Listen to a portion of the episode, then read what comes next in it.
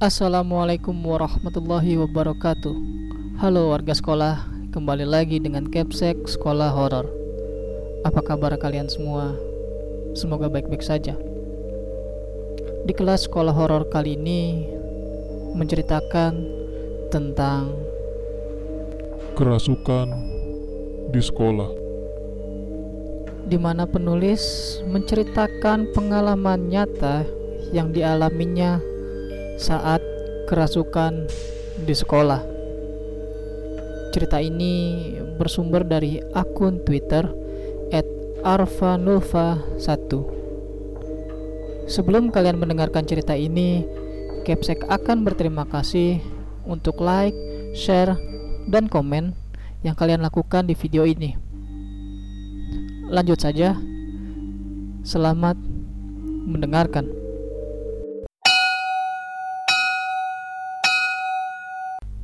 Kejadian ini terjadi pas gua udah mau masuk semester 2 dan kebetulan gua itu fisiknya lemah.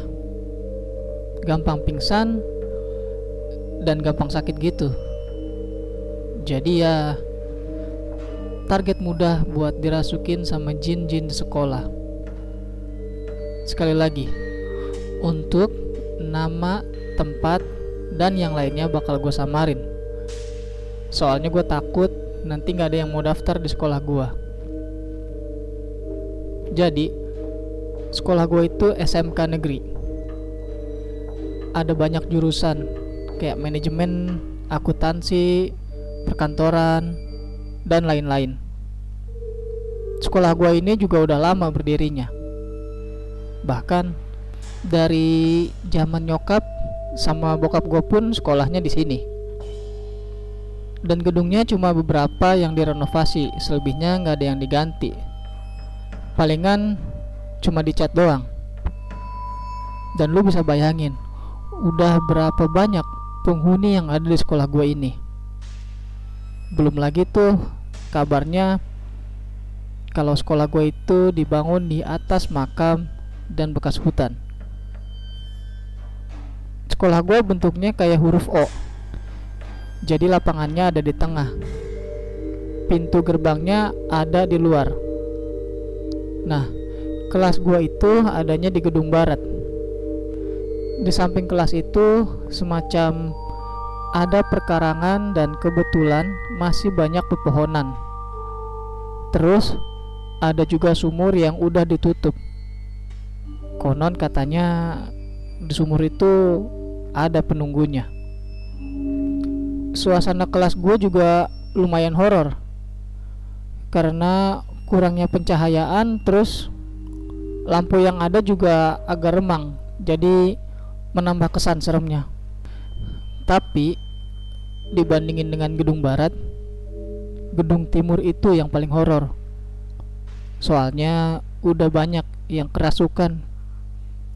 Terus di belakang gedungnya juga ada dua makam. Jadi kalau ada yang macem-macem pasti tuh bakal kerasukan. Sejujurnya gua nggak pernah ngebayangin bakalan jadi salah satu korban kerasukan di sekolah. Cuma ya mungkin pada saat itu penjagaan gue lagi turun. Jadi ya sempat ditempelin. Jadi hari itu gue datang ke sekolah kayak biasa.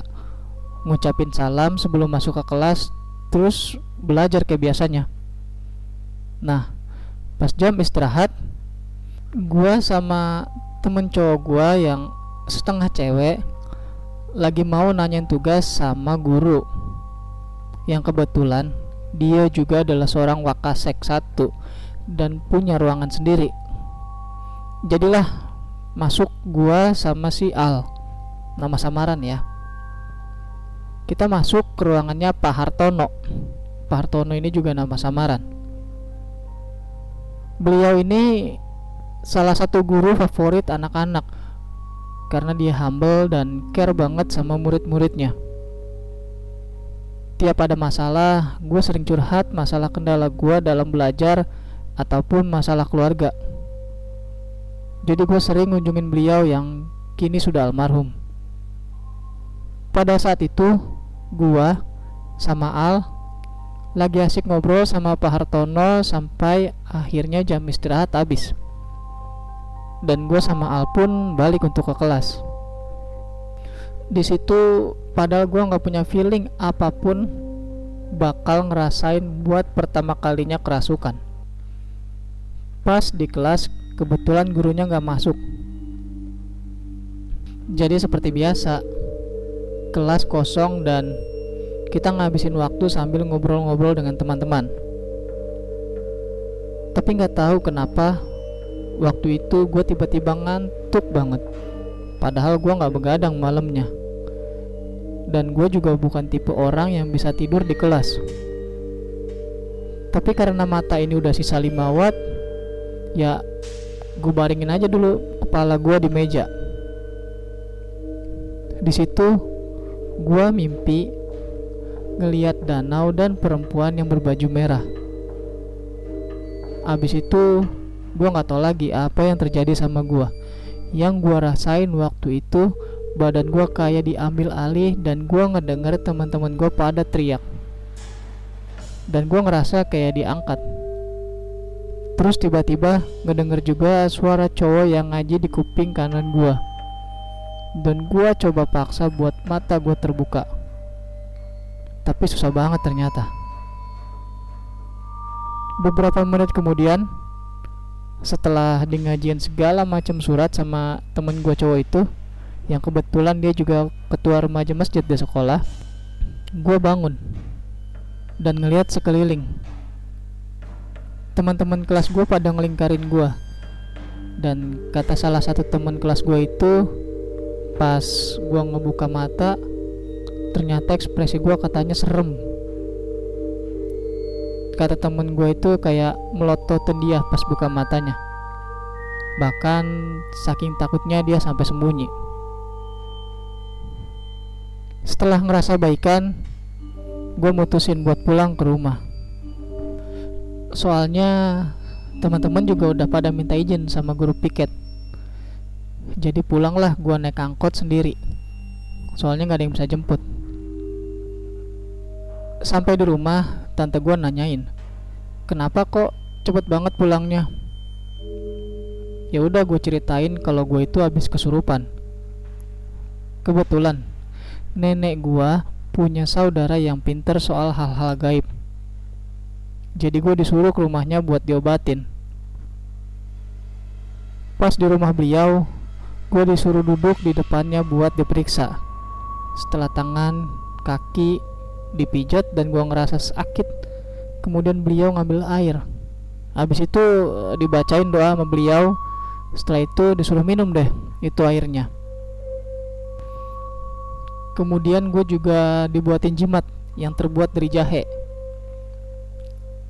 itu jimat harus gue penitiin di baju gue supaya nggak ditempelin lagi sama itu kunti katanya eh by the way yang nempel itu mbak kunti yang biasa nongkrong di pohon deket kantor Wakasek. Malamnya, pas gue mau tidur, gue baca doa sebanyak mungkin. Kamar gue itu punya dua kasur, satu buat tante, satu buat gue. Gue tidurnya yang dekat lemari, yang sebelahnya itu dapur. Dan gue tidur duluan soalnya udah capek banget.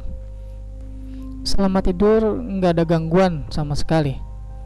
Hingga akhirnya lama kelamaan tiba-tiba gue ngerasa ada yang ngelus-ngelus lengan gue gue coba nyuekin tapi lama kelamaan bulu kuduk gue makin merinding dan sentuhannya itu makin intens dari yang cuma lengan hingga sampai kaki gue juga dielus-elus terus abis itu dalam pikiran gue entah itu halusinasi atau sengaja dijailin.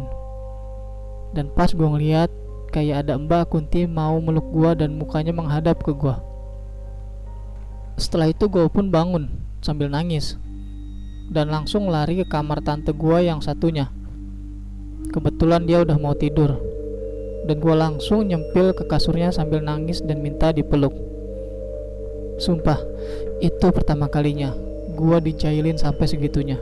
Padahal gue itu bukan tipe penakut. Tapi nggak tahu kenapa waktu itu buat gue trauma banget buat tidur sendiri. Jadi sampai sekarang gue udah nggak pernah mau tidur sendiri. Jadi gue harus tidur baik sama tante gue ataupun sama sepupu gue. Setelah tidur sambil dipeluk tante, gue mulai bisa tidur. Dan keesokan paginya, gue disuruh ke rumah kakek gue lagi buat diobatin, biar nggak diganggu sama itu kunti. Dan setelah itu, gue mulai rajin ibadah di musola sekolah, selalu ngucapin salam di mana pun berada, dan jaga sopan santun biar nggak nyinggung penghuni lainnya. Sekian.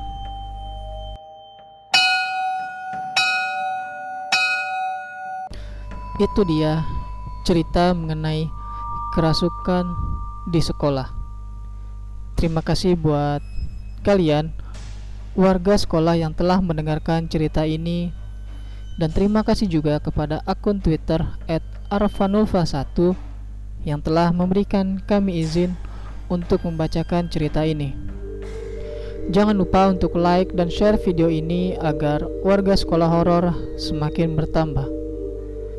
Dan sampai jumpa di kelas berikutnya. Wassalamualaikum warahmatullahi wabarakatuh.